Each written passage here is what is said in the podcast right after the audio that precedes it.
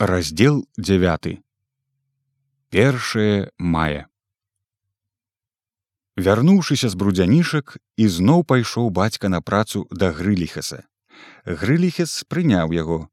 Ён не ведаў дзе выбілі бацьку вока. Бацька сказаў яму што выбілі хуліганы ўночы на цёмнай вуліцы. Грыліхес паверыў паспачуваў павойкаў і прыняў бацьку на работу аднавокага бо бацька мой быў вельмі добры майстар а пасля таго нападу рабочых на паліцейскі ўчастак у вільні была ўведзена усіленная охрана а генерал-губернатарам у вільню царскі ўрад паслаў свайго выдатнага сатрапа барона фон валя.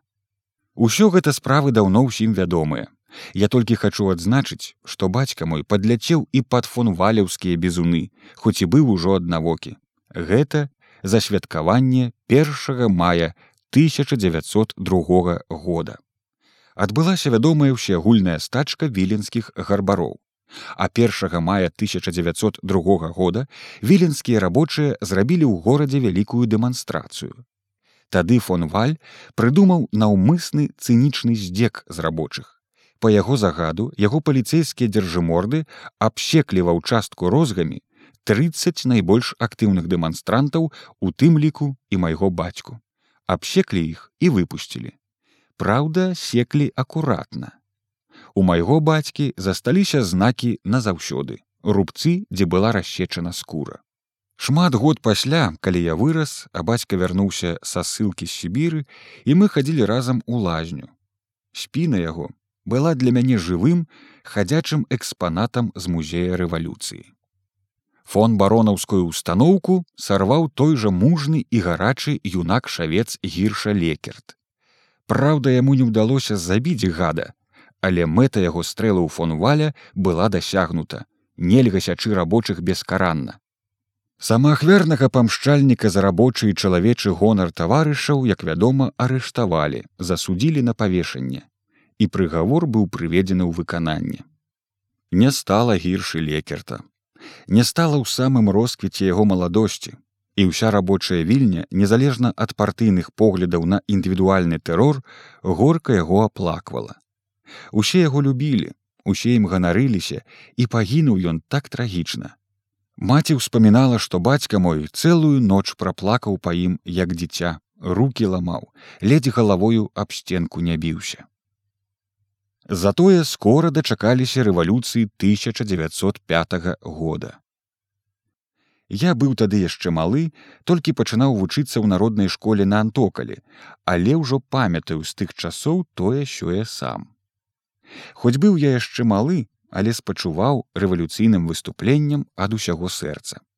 Каб мне тады далі бомбу ў рукі і сказалі ісці і кінуць яе ў губернатара, я з радасцю пайшоў бы і кінуў і калі ўвосень на вуліцах была страляніна і кулі ляцелі міма наших варот і міма акон нашай кватэры ў падвале я ніяк не мог уседзець каля печкі усё кідаўся выбегчы і паглядзець або прыліпаў да акна і дужа дужа мне хацелася каб рабочыя казакоў пабілі з коней паскідалі і забралі ў палон На жаль, я нічога больш свайго акна не мог убачыць, як толькі ногі казацкіх коней, што вельмі часценька і гусценька і вельмі смешна пераступалі па каменні, робячы густое цоканне. А маці баялася, што кулі могуць заляцець да нас у сутарэнне, з крыкамі з плачам усё гнала мяне за печку.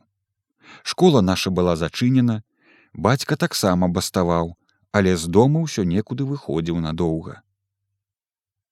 1 мая 1905 ці 1906 года да нас на кватэру зайшлі браты васілеўскія вясёлы дядзька мацейкович сябар майго бацькі таксама гарбар з гарбарні грыліхаса потым дядзька карбоўскі і яшчэ чалавекі два што вадзілі з бацькам знаёмства. Усе былі ў чыстых святочных касцюмах пры манішках і ўсе былі вельмі радасна настроены. Пасядзелі ў нас выпілі гарбаты з цукрам у накладку і сітным хлебам і кракаўскую кілбасою, як на сапраўднае свята. І спелі рэвалюцыйную песню. Слоў песні я не памятаю, была яна на польскай мове, я тады па-польску яшчэ не вельмі добра ўмеў, гаварыў дома з бацькамі па-беларуску. А прыпеў у ёй быў гоп гоп гоп. Прыпеў мне надта спадабаўся. Я старанна і радасна падцягваў, хоць і саромеўся чагосьці і азіраўся на маці аж і яна таксама падцягвала тоненькім галасочкам расчырванелася. Была ў мяне маці прыгожанькая. Потым усе накіраваліся за горад і бацька павёў з сабою маці і мяне. Пайшлі ў закрэт на высокі бераг віллі у сасновы бор. Мясцовасць там была тады надзвычай хорошая вакол былі расстаўлены рабочыя пікеты яны нас прапусцілі і тыя хто там стаяў былі нам рады смяяліся з намі жартавалі. Адзін нейкі дядзька дастаў з кішэні і даў мне вялікую цукерку. Калі мы прыйшлі на палянцы было ўжо чалавек 50 ці болей. У зямлю быў уваткнут высокі шост а на ім вісеў вялікі чырвоны сцяг. Вакол сядзелі ляжалі размаўлялі усе прыбраныя. Адчынілі мітынг. Казалі прамовы і пяялі рэвалюцыйныя песні дэкламавалі рэвалюцыйныя вершы плёскалі і крычалі брава гаварылі па-руску былі тут яўрэі і палякі найбольш рабочыя але быў там тады прыезджы з варшавы польскі рэвалюцыянер будзелович брат таго віленскага пана будзеловича інжынера у якога пасля служыла моя маці. Бледны з чорнаю бародкаю у саламяным капелюшы Ён выступаў з прамоваю на польскай мове. Гаварыў доўга, то ціха, спакойна, то вельмі горача са слязьмі і трасучы кулакамі.